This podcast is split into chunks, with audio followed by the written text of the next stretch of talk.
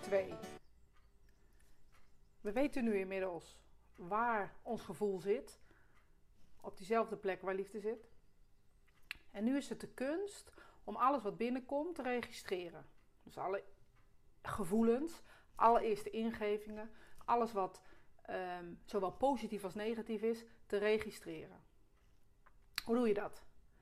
Dat doe je door te luisteren letterlijk te luisteren naar alle zin en onzin die er in je hoofd, in je buik, waar dan ook uh, naar binnen komt. Dat kan zijn uh, dat het gaat over ik vind die niet aardig. Dat kan zijn ik moet die weg op. Of dat kan zijn van binnenuit een echt een diep gevoel. Dat is wat ik moet doen. Dus deze tip gaat voornamelijk over het registreren van dit gevoel. Luister naar de negatieve en naar de positieve dingen. Laat alles er zijn. Want als alles er mag zijn, dan ga je er ook echt naar luisteren. Dus tip 2 gaat over het luisteren, het ontvangen, het registreren.